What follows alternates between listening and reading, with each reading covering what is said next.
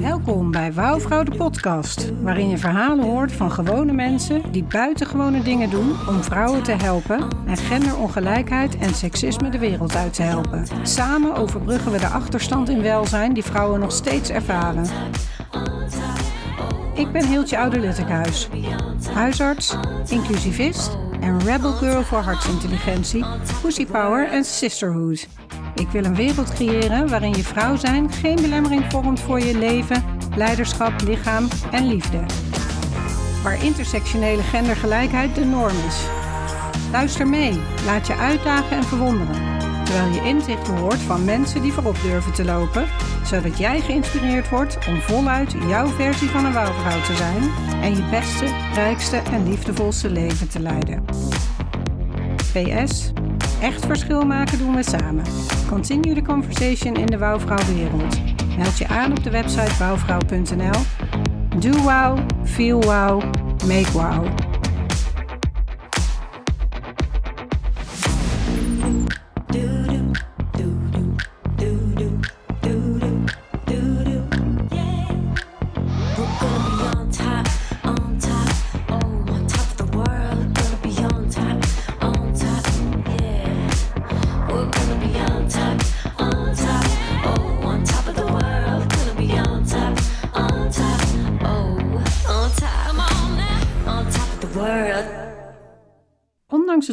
Van verlies in dit interview hebben we ook veel gelachen. Zoveel zelfs dat er genoeg inhoud voor twee episodes ontstond. Deel 1 gaat over verlies en wederopbouw. Hoe uit een eigen gemis een nieuw initiatief ontstond. Deel 2 gaat over hoe widows en widowers ontstaan is en hoe verlies van een partner voor vrouwen en mannen heel verschillende uitdagingen meebrengt. Na het overlijden van mijn moeder maakte ik een liefdevolle herinneringsmeditatie in plaats van een speech. Zo kon iedereen haar op eigen wijze herinneren, zonder afgeleid te zijn door mijn ideeën. Deze oefening vind je terug als podcast inspiratiepagina op de afleveringspagina www.wouwvrouw.nl slash forward Marianne Heemskerk. En nu gauw naar het interview. Welkom terug, Marianne Heemskerk van Widows and Widowers. Kan je eens wat delen over eh, hoe dat ging? Dat jij eh, je partner verloor en, en dat jullie zo tot het punt kwamen om dit op te zetten. Wat waren de dingen waar je zelf tegenaan liep? Ja, nou, ehm, mijn partner is overleden na een open hartoperatie.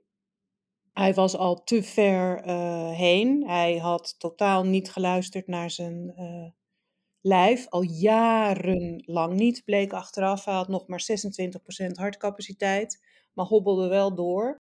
Ik vond hem, eerlijk gezegd, eh, aardig irritant worden. Nou ben ik niet enorm eh, makkelijk ook op dat vlak. Maar ik vond hem enorm veranderen. En achteraf weet ik dat dat hoogstwaarschijnlijk kwam omdat hij zich al jaren heel belabberd voelde, maar daar niks over zei. Ehm, en toen ik op een avond besloot van hij gedraagt zich zo raar, ik denk dat hij, hij is of heel dronken of hij heeft nu een TIA, dus ik ga het ziekenhuis bellen, want hij zei dat hij niet gedronken had. En toen nou, bleek hij wel gedronken te hebben, oké. Maar de bijvangst was dat hij 26% hartcapaciteit had, nog maar heel veel vocht vasthield en meteen opgenomen moest worden. Want dat hij zonder ingrijpen met drie maanden of vier maanden aan een uh, aneurysme zou zijn overleden. Mhm. Ja, dat, dat wordt je ook niet allemaal meteen verteld. Maar goed, de operatie is, uh, daar is hij niet uit wakker geworden. Wat ik niet verwacht had, want hij was het type die, al was er een kwart procent, dan zou hij het pakken. Hè? The world is, is oyster, dat zei iedereen altijd over hem. Um, maar goed, deze keer niet. Het was zijn, uh, zijn tijd, denk ik dan maar. Maar jammer, want als hij iets beter voor zichzelf gezorgd had, op veel vlakken, dan was het niet zijn tijd geweest. Maar oké, okay, daar kan je hele discussies over uh, hebben. En uh, hij viel weg. Ik was in ons getrouwde leven aardig afhankelijk van hem geworden. Na mijn ontslag, omdat ik had gewaagd om zwanger te worden ja. als anti-kind eh, dame. Ja, hoe haal je het in je hoofd om je Ja, mening te veranderen? Ja, ja. Nou, ik snap dat ze dachten dat ik nooit zwanger zou worden, want dat was ook absoluut niet mijn, eh, mijn plan. Nee. Maar die burn-out heeft me daar, heeft, is er geweest voor een reden. Los van dat te harde werken zat dus blijkbaar dat dilemma ook in mij ergens. Maar ehm, ben ik nooit meer betaald gaan werken. Enerzijds werd dat ingegeven door mijn man, die iets had van, joh, maar blijf lekker thuis en het is zo lekker. En ik probeerde het dan wel weer eens, maar continu dat die stem naast je van, ja, maar het is fijner als je thuis bent en ik werk ook vanuit huis. Goed, veel ehm, liefdadigheidswerk gedaan en dat soort zaken. Dus absoluut goede dingen gedaan. Fundraisers, noem maar op. Bestuurtjes. Maar geen geld verdiend, geen eigen geld verdiend. En toen mijn man wegviel, wij leefden een zeer eh, nou, voorspoedig leven, om het even zo te zeggen. Een beetje, beetje veel, bovenmodaal. Ehm, en dat vond ik allemaal heel normaal. Was natuurlijk helemaal niet normaal. Ik was ook wel een tikje omhoog eh, getrouwd, wat dat betreft. Maar daar groei je allemaal in. En toen viel hij weg en toen merkte ik hoe afhankelijk ik was geworden. En het schrok me echt helemaal het leplazerus. Dat ik dacht, hoe heb ik dit zo ver laten komen? Dus ik wist echt helemaal niks. Ik kon nog niet eens met mijn DigiD omgaan.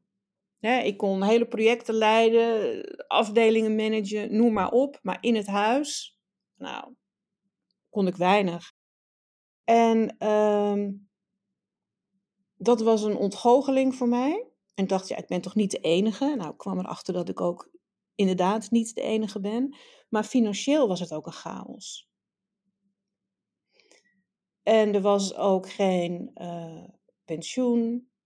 Er was geen levensverzekering. Er was allemaal niks. En ja, ik had gewerkt tot mijn veertigste. Dus mijn pensioen stelt ook niet zo heel veel voor. Dus ik zat enorm in de stress. Ik moest ons huis verkopen. eh, kijken wat we dan overhielden. Waar gingen we dan naartoe? Tijdelijk een huurwoning, want ik had geen geld over om om een nieuwe woning te kopen. En dan ja, kijken wat het leven me bracht om te zien hoe ik dat ging oplossen. Want mijn jongens waren met hun eindexamen bezig toen Filip overleed en mijn dochter eh, zat één jaar daaronder. Dus ik was er enorm mee aan het worstelen. En intussen was ik in contact met Astrid, mijn eh, partner bij eh, Widows and Widowers, die een maand voor mij haar man was overleden. En die had ook allerlei issues. Niet dezelfde als ik, maar wel weer met een ex-vrouw en kinderen uit het eerste huwelijk en allemaal eh, andere ellende. Naar aanleiding van het overlijden van haar man. Dus we zaten heel veel met elkaar te praten. En merkten dat praten met een lotgenoot veel en veel prettiger is dan praten met vrienden. Omdat vrienden ongetwijfeld goed bedoelde dingen zeggen, maar waar je helemaal niks mee kan en vaak zelfs een beetje driftig van wordt in mijn, mijn situatie. En mensen die zeggen, ik weet wat je bedoelt, eh, ik ben gescheiden, ik weet er alles van, dan denk ik met alle respect, je weet er niks van. Scheiden is ook rouwen, doet heel veel pijn, maar jouw kinderen hebben nog een vader. Mhm. Jij kan nog samen naar het afstuderen van je kind. Ja, die, die vader kan nog naar het vader-zoon weekend tijdens de studie van zijn zoon. Ja. Mijn kinderen hebben dat allemaal niet meer. Dus vergelijk dat niet. Nee. Dus jouw luisteraars, laat ze dat nooit zeggen tegen iemand die een partner verloren is. Want dat is goed bedoeld, maar het is gewoon niet waar. Nee. Je bent iemand kwijt, maar het is op een andere manier dan wanneer die echt dood neervalt. Ehm, dus wij zeiden tegen elkaar, het praat echt veel lekkerder met elkaar. En we lopen allebei tegen die problemen aan. Is er dan niks om het op te lossen? Ja, je kan gaan googlen op rouwtherapeuten en weet ik veel, maar dat wil je allemaal niet. Je hebt het widow brain, zoals ze dat noemen. Hè? Je bent totaal overweldigd door alles en je sluit je ook eigenlijk eh, af. Je wilt aan de hand genomen worden en geholpen worden. Mensen die zeggen, bel maar als je me nodig hebt. Ja, die bel je dus niet. Want hoe, je, je kan niet eens bedenken wanneer je iemand nodig hebt. En zo zijn we eigenlijk op het idee gekomen. We zeiden, nou, dan moeten wij iets gaan oprichten waar we met elkaar, met lotgenoten, mensen kunnen gaan, eh, kunnen gaan helpen in eerste instantie door onderling contact. Dan, dan kunnen de wat meer rijpere weduwen, zoals we dat dan noemen, kunnen advies geven aan de wat uh, versere, nieuwere uh, weduwen. Ja, een beetje platte kreten, maar zo hebben we het er dan met Ja. elkaar over. We kunnen gezellige dingen organiseren, we kunnen kennisoverdracht dingen organiseren, zodat ze weten waar ze aan moeten denken, welke vragen er zijn, maar ook dat we ook antwoorden bieden. Dus zo is dat eigenlijk uh, gekomen vanuit onze eigen behoeften en het bestaat niet, het bestond niet op die manier. Moest je heel specifiek op een onderwerp gaan zoeken, ja, en dat doet lang niet iedereen, omdat je daarvoor te overweldigd bent. Dus we, wij zijn heel erg bezig nu om te kijken hoe wij widows en widowers zo bekend kunnen maken dat als iemand overlijdt, of de partner overlijdt, dat ze te horen krijgen van, goh, ga eens kijken daar op die website, of bel een van die dames eens om te kijken wat je daarmee, uh, wat je daar kan vinden. En het leuke is dat we hebben dames die zijn pas twee maanden weduwe, maar we hebben ook dames die zijn al zeven jaar weduwe. En het is niet dat die vastzitten in het verleden en nog iedere dag huilend op de bank zitten. Maar die zeggen, ik vind het gewoon heel fijn om met andere weduwen te communiceren. Ik vind het fijn om het af en toe nog over mijn man te kunnen hebben. Waarbij mijn vriendinnen zeggen, ja, joh, je moet niet zo in het verleden hangen. Maar je hangt niet in het verleden, maar je wil nog af en toe even stilstaan bij het verleden. Omdat dat voor jou ook heel waardevol is. Ja, en je gewone vrienden snappen dat vaak niet meer, tot een jaar of twee. En dan moet het toch echt wel over zijn, zeg maar. En binnen ons, uh, ons netwerk kan dat heel goed. Oké, okay, ja. Ja, dus dat, dat is eigenlijk de reden. Dus wij, heel lang verhaal, maar ja, ik gebruik altijd veel woorden. Um, maar ons eigen gemis heeft ertoe geleid dat wij anderen voor dat gemis wilden behoeden. Mhm, Ja. En dus als ik het zo hoor, is het een stuk lotgenotencontact en ook het delen van kennis, hè, dat je minder ja. overweldigd wordt door al die grote dingen die op je afkomen. Ja, dus we doen, uh, we hebben bijvoorbeeld iedere twee weken, een, uh, we noemen dat Widows Anonymous, Widows and Widowers Anonymous nu. Ja. Dat is een Zoom-sessie voorlopig nog, waarin we gewoon met elkaar praten over van alles en nog wat. En het kan ook best wel eens een keer een thema hebben, maar het is vooral, leg maar neer waar je behoefte aan hebt en dan ontspint zich een gesprek. Het is heel leuk, heel waardevol. En uh, soms zijn er wat meer mensen, soms zijn er minder mensen. En tot nu toe is het altijd heel interessant gebleken. En vond iedereen het fijn om aan het gesprek deelgenomen te hebben. We doen ook doe-activiteiten, omdat we gemerkt hebben dat mensen het toch ook vaak wel eng vinden om de deur uit te gaan. En dan moet ik in een groep en hoe dan en wat dan en waar moet ik het over hebben. Maar als je een doe-activiteit doet, geeft dat een stuk veiligheid. Dus we hebben een um, schrijfwerk-workshop gehad over schrijven met verlies. We hebben een workshop gehad, uh, creatief met dierbare kleding. Mooi. Eh, dus iets, iets doen vinden Mhm. mensen makkelijk. Dat helpt ze om de drempel over te komen. En dan zitten ze daar in het zaaltje, ontmoeten ze de lotgenoten. Er ontstaan ook vriendschappen, waardoor mensen samen wat gaan ondernemen als ze samen in een bepaalde stad of, uh, of dorp wonen. En we doen ook uh, puur sociale activiteiten. We hebben deelname aan een pubquiz gedaan, nou, dat, dat soort dingen. En dan kennisoverdracht dingen, waarin we zeggen, nou, we nodigen iemand uit die kennis heeft over erfenissen of testamenten of financiën, ik, ik noem maar wat. En daar kan je wat, uh, kan je wat opsteken. Ja. En dan daarnaast hebben we nog wat wij noemen ons serviceplatform, waar allerlei partners die wij vertrouwen, uh, hun dienst of product mogen aanbieden. Dus dat, is nou, dat zit in onze shop, zeg maar. Los van de, van, van de boeken over rouw en verlies die je daar kan kopen. Maar onze partners die kunnen zichzelf daar promoten door hun dienst aan te bieden. En uh, als onze leden dat dan daar kopen, zit er altijd een klein voordeel aan voor de leden natuurlijk. Hè? Want als je ergens lid bent, wil je toch ook altijd wel weten dat je voordeel krijgt. Mhm. Want waarom zou je anders lid worden? Mhm. Dus enerzijds hebben we het, het, het meer live, het onderlinge contact. En anderzijds heel specifiek diensten die aangeboden worden op allerlei vlakken waarvan we weten dat mensen daar behoefte aan uh, kunnen hebben. Ja, mooi. En eh, zijn er ook specifieke uitdagingen geweest in, in, in, dit, eh, in deze ontwikkeling of in het proces die jij hebt eh, meegemaakt? Ja, die zijn er zeker. Ehm, het is een hele moeilijke doelgroep om te bereiken. Het is een verborgen doelgroep. Wat maakt dat het moeilijk is om mensen te vinden, zeg maar. En er zijn wel van die Facebookpagina's voor weduwen en voor weduwnaars, maar daar mag je geen reclame maken. Dus op een gegeven moment had ik, was lid geworden van een zo'n pagina en ik had mijn verhaal verteld en ook widows en widowers erin gezet. Er werd mijn hele post meteen verwijderd, want je mocht geen reclame maken. Ik zeg ja, ik mag geen reclame maken, dat begrijp ik, maar ik, ik vertel nu iets over een dienst die ik aanbied voor iedereen die hier zit. Ik, ik ben niet een, een geurtje aan het verkopen of een, uh, een nieuw netwerk. Ik, ik, ik, een, een wifi-netwerk of wat dan ook. Ik, ik, ik doe iets voor deze doelgroep. Vind je dan niet dat dit aansluit op waar jij met je Facebookpagina voor bezig bent? Nee, absoluut niet. Ja. Dus je ziet ook dat mensen dan heel beschermend zijn. Ik denk van ja, in hoeverre wil je die doelgroep dan echt helpen? Of gaat het om je eigen ego, om uh, dat zelf te hebben? Dus daar lopen we gedeeltelijk tegenaan. We zijn ook op, stuk naar, op zoek naar een stukje financiering, want tot nu toe uh, financieren we alles zelf. De, website, we zijn nu aan het, met de tweede website bezig, want ja, na anderhalf jaar krijg je toch weer uh, nieuwe inzichten en social media konden we verbeteren. Mhm. En toen zagen we dat we de website ook konden verbeteren. Er zit nu ook een, eh, een ledenplatform onder, waar leden onderling meteen met elkaar kunnen gaan communiceren kost allemaal geld en alle abonnementen die je afneemt. Dus we zijn op zoek naar investeerders.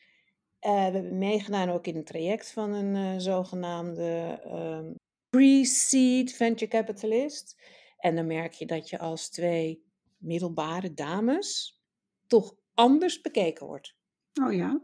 Ja, ja, ja. En uh, wij, wij, ja, we kregen hele aparte feedback. We zijn natuurlijk twee middelbare dames, zo zien we er helemaal niet uit. Maar dat zijn we wel. Nou ja, ik ben 58, Astrid zit nog ergens in het begin 50, dus die is nog piepjong. Maar, en dan hebben we een onderwerp dat te maken heeft met dood. Ja. En dat was dan een hele groep van starters die bij elkaar gezet werd en waar dan uitgekozen zou worden op basis van samenwerkingen en pitches en wat dan ook. Maar wij kregen terug dat we dan een, uh, er moest een man bij, er moest een techneut bij, uh, er moest een marketeer bij. En iedere keer kwam er iets ter sprake. En dan zei ik, ja, maar hoezo marketeer? Ja, oh ja, en we moesten een team samenstellen, terwijl we nog helemaal niemand kunnen betalen. En dan moesten we dan een paar keer mee gaan vergaderen. En dan kwamen ze bij ons zitten om te kijken hoe die vergaderingen gingen. En ik zei, waarom? Waarom moet ik door deze hoepels heen springen? Want ja, als je 58 bent, doe je ook niet meer alles wat je opgedragen wordt. Nou, misschien heb ik dat nooit gedaan. Maar ja, ja omdat ze twijfelden aan onze people management skills. Ik zeg, nou, dat vind ik echt heel boeiend. Heb je überhaupt mijn LinkedIn-profiel bekeken? En heb je goed gekeken naar hoe ik, hè, vanuit mezelf redenerend, in de groepen heb samengewerkt. Nou, misschien heb ik daar niet, heb ik nog niet voldoende in verdiept. Ik denk, ja. Hmm. Tegen een man zou je dit nooit gezegd hebben. Vroeg ik dan ook, zeg, is dit een vraag die je altijd aan mensen stelt? Of is dat specifiek aan ons? Heel, heel word ik ook lastig natuurlijk. Lekker passive-aggressive. Maar uh, ja, heeft echt met het vrouw zijn te maken. En je ziet ook, dit is onze ervaring. En ongetwijfeld kleuren we die ook een beetje hè, in, in ons voordeel. Maar um, vrouwelijke ondernemers worden veel minder vaak gefund, Mhm. krijgen veel minder vaak geld dan mannelijke ondernemers. Ja, nou, dat is niet alleen een ervaring, daar is ook wel onderzoek naar dat dat zo is. Exact. Ja, Hè, dus ja. eh, Ja.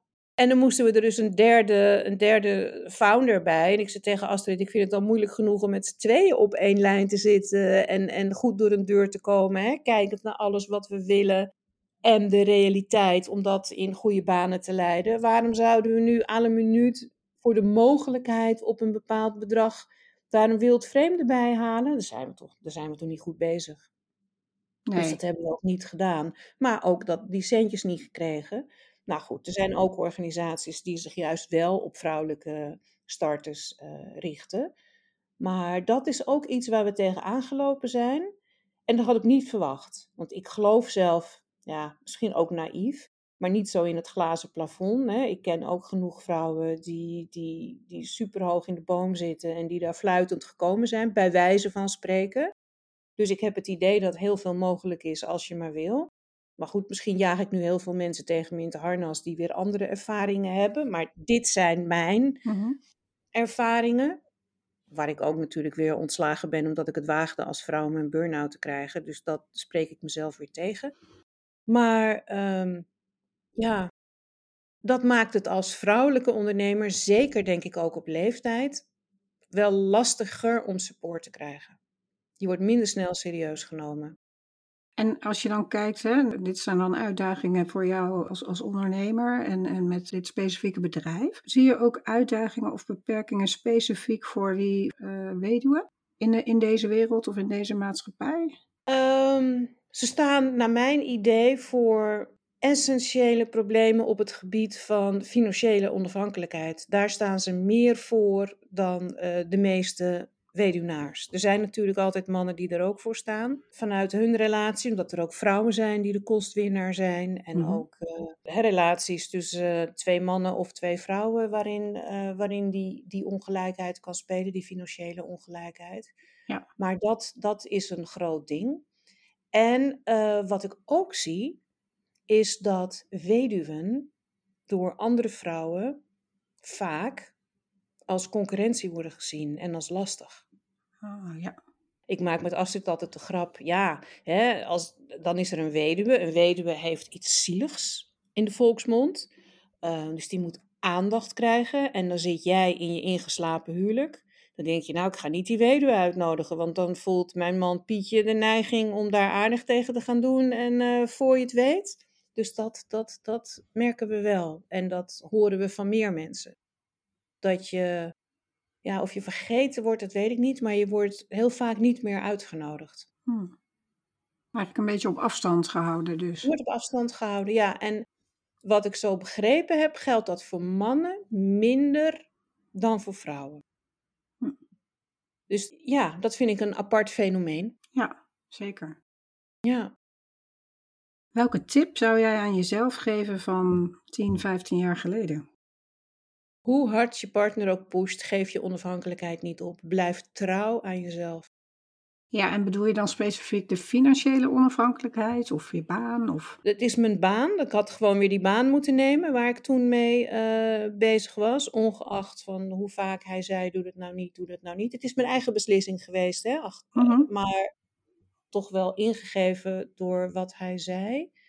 En ook aan mezelf van niet te makkelijk op andere vlakken ook het roer uit handen geven, omdat dat zo makkelijk is. Natuurlijk heb je in een relatie altijd een taakverdeling. En dat is een van de handige dingen van een relatie, merk ik nu. Want ik, ik, moest in mijn eentje de verbouwing doen van mijn nieuwe huis. Ik dacht, holy Moses. Filip en ik hadden het altijd zo goed geregeld samen. We hebben heel veel verbouwingen gedaan en vonden dat enig. En nu moet ik alles zelf doen. Hoe, hoe, hoe pak ik dat aan? Dus een, een bepaalde taakverdeling is er altijd. Maar zorg dat je ook op dat vlak gewoon weet wat er speelt. Dat je op de hoogte bent. En dat er een, op dat vlak een bepaalde gelijkwaardigheid is. Waarbij je nog steeds kan zeggen, het is jouw hoofdtaak. Maar zorg dat je het niet helemaal negeert.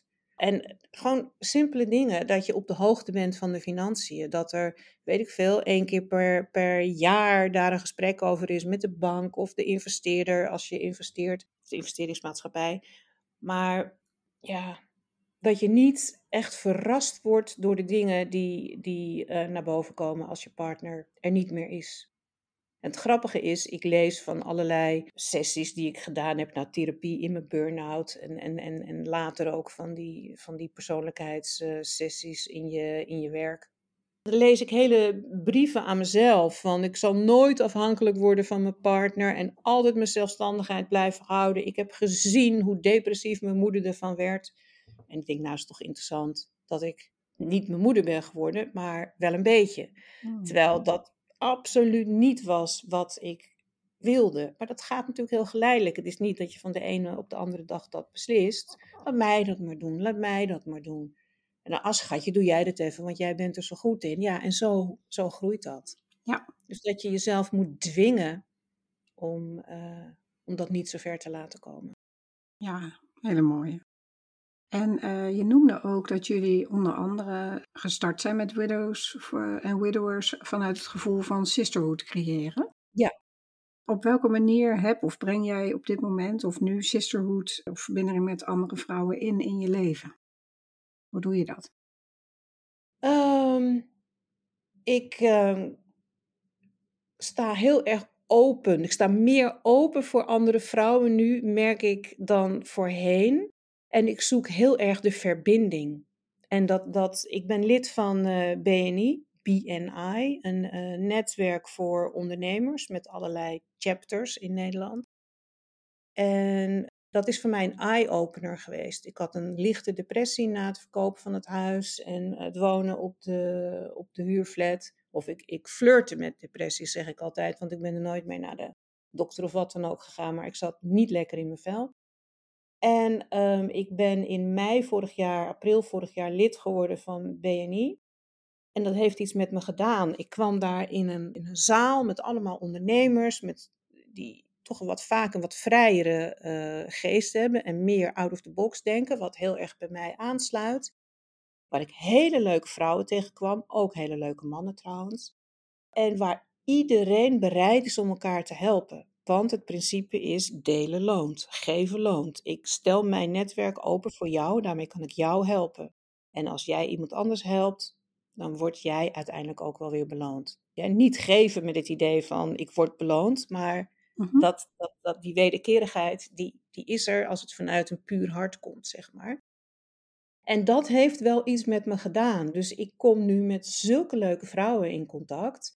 Die dan voor widows en widowers hele leuke, mooie eh, dingen doen. En dat, dat omarm ik. En dan nodig ik ze uit, ga ik mee in gesprek. Dus op die manier vorm ik een sisterhood. Mooi. Je hebt een 10 minuten presentatie daar waar je iets vertelt over wat je doet en vooral je zoekvragen neerlegt, hoe anderen je kunnen helpen. Ja, ik had een, een, een, een dikke 20 bezoekers, wat, wat eigenlijk een tikje overdreven is, maar dat past ook wel weer bij mijn, eh, bij mijn karakter.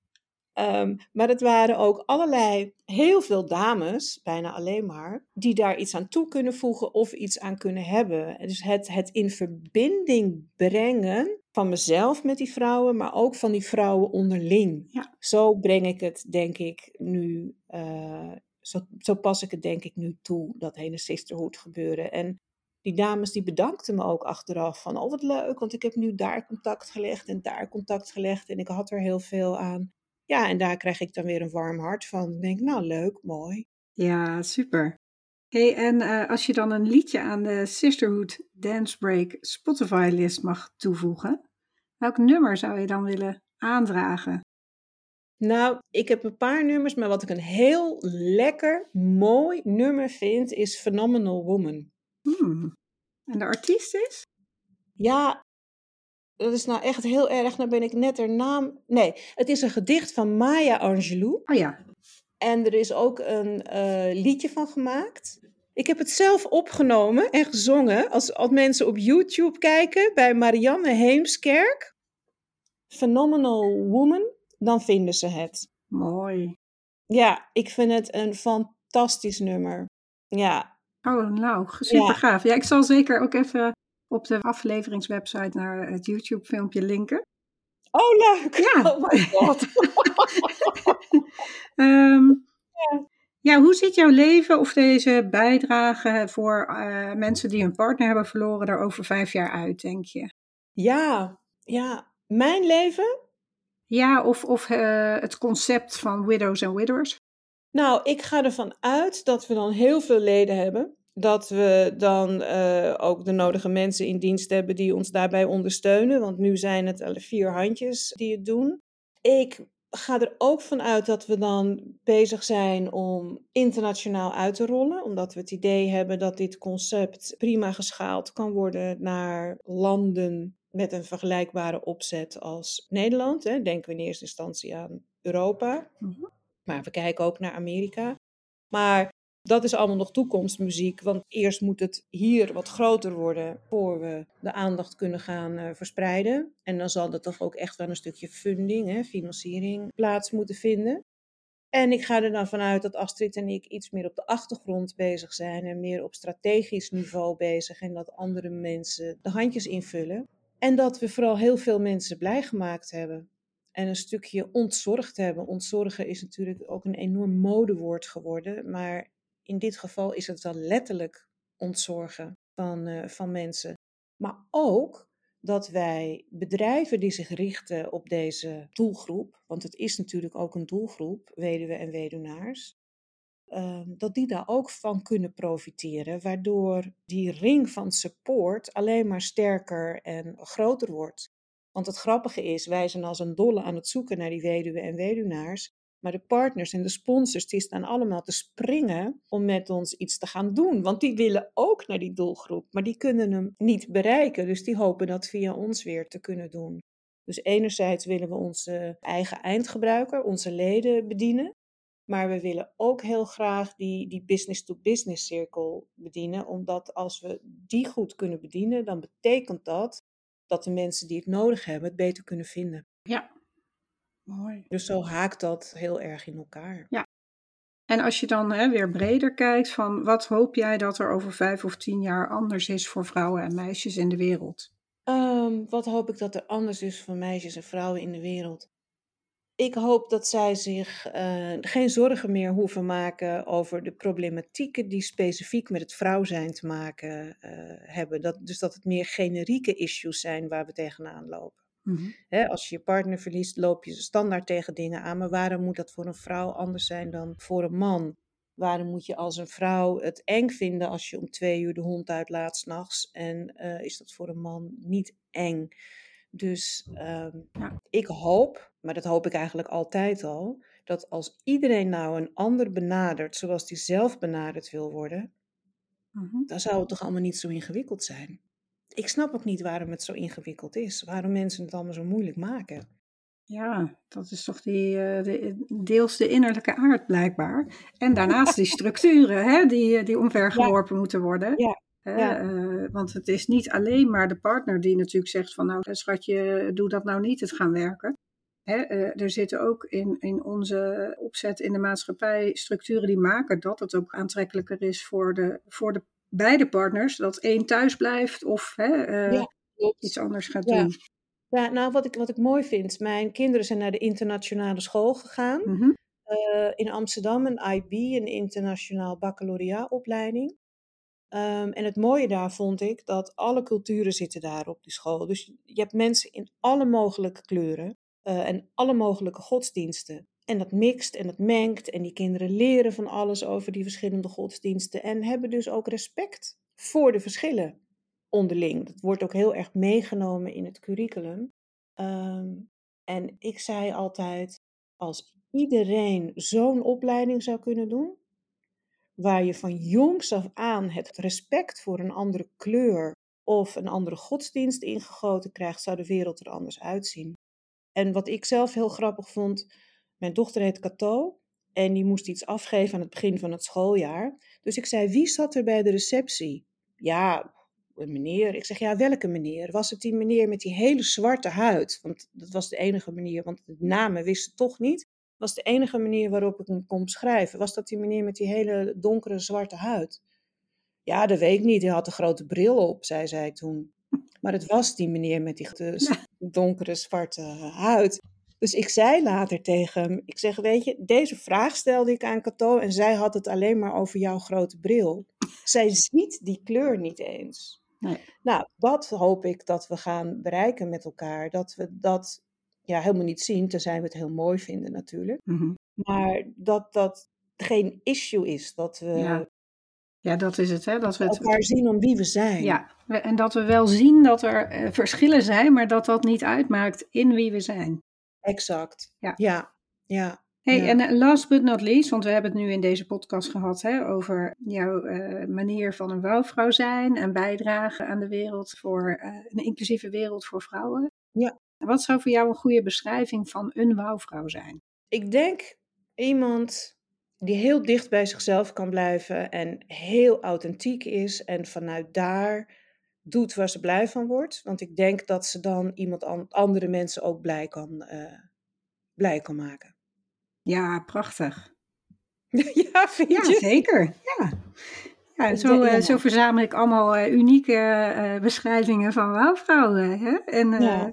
zo kan iedereen er weer wat van zichzelf ook in herkennen. Dat is de Ja. bedoeling. Ja, ja. Ehm, Is er nog iets dat jij eh, wil toevoegen? Van je zegt, oh, dat had ik graag nog willen noemen.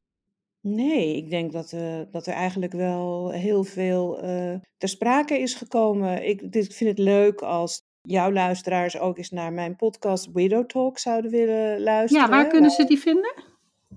Eh, onder andere op Spotify of op Google of op Apple. Ja. Onder Widow Talk. Waar we weduwen en weduwnaars interviewen. Maar dus ook mensen of bedrijven. Ja, het zijn altijd mensen. Maar die, die services bieden of Ja. support bieden aan weduwen en weduwnaars. En wat ik daarin ook heel leuk vind om te laten zien. Mensen die weduwe of weduwnaar geworden zijn. En daarna een ander carrièrepad ingeslagen zijn. Omdat Ja. ze zichzelf weer opnieuw uit moesten vinden, zeg maar. Ja, dat zei jij, eh, daar straks noemde je dat ook inderdaad, hè? En eh, dat ben ik zelf vergeten te vragen, want wat ik me afvroeg is, zijn dat dan allemaal mensen die bijvoorbeeld toch die kant ingaan om mensen te helpen met het verlies en de rouwverwerking? Of, of zijn dat ook hele andere eh, paden? Ja, je hebt verlies en rouwverwerking, maar ook mensen die eh, boeken gaan schrijven of podcast gaan maken om hun verhaal te delen, waar weer heel veel mensen op aangaan. Ik heb net gesproken met een mevrouw die haar vader verloren is toen ze 14 was. En ze is nu 20 jaar verder, maar ze mist haar vader nog steeds heel erg. En eh, is heel erg bang dat ze niet alle herinneringen meer paraat heeft. En die heeft nu een heel mooi herinneringenboek gemaakt. Niet zo'n boek van Papa Vertel eens, die er natuurlijk ook zijn. Maar een heel mooi herinneringenboek waar allerlei mensen dingen kunnen schrijven over bepaalde onderwerpen die ze dan allemaal bedacht heeft. Ehm, waarbij het dus van familielid of vriend naar vriend gaat en dan kan iedereen er wat in schrijven, foto's erbij. Ehm, Ja, mooi. maar die kunnen dus ook lezen wat de ander geschreven heeft, waardoor het heel waardevol wordt binnen zo'n kleine community rondom zo'n overleden vader, omdat er weer heel veel naar boven komt. En zij vindt het dus belangrijk dat andere mensen ook schrijven, zodat ze niet alleen haar eigen herinnering heeft, maar ook de herinnering van opa en oma en, en haar ouders en neven en nichten en goede vrienden. Mooi. Ja, Ja, dus daar is zij, dat, dat bijvoorbeeld, ja. ehm, waar ik zelf helemaal niet bij stil had gestaan. Hoe is het om met een weduwe of een weduwnaar een relatie aan te gaan? als je dat zelf niet bent. Als je dat zelf niet ja. bent. En zij vertelde, ja, dan, dan, dan heb je eindelijk iemand ontmoet, die is dan weduwnaar. En dan zit je met iemand te zoenen. Maar als hij vrijgezel is van zijn ex-vrouw, zal er echt geen, eh, geen altaartje in de kamer staan en allemaal foto's hangen. Maar ze zegt, ja, ik zat te zoenen en ik keek iedere keer recht in de, in de ogen van zijn overleden vrou- vrouw, die overal stond. En we waren daar enorm over aan, aan, aan, het, aan het giechelen ook wel. Maar ze barstte op een gegeven moment ook in tranen uit. Omdat, en ze is ermee getrouwd uiteindelijk met deze weduwnaar.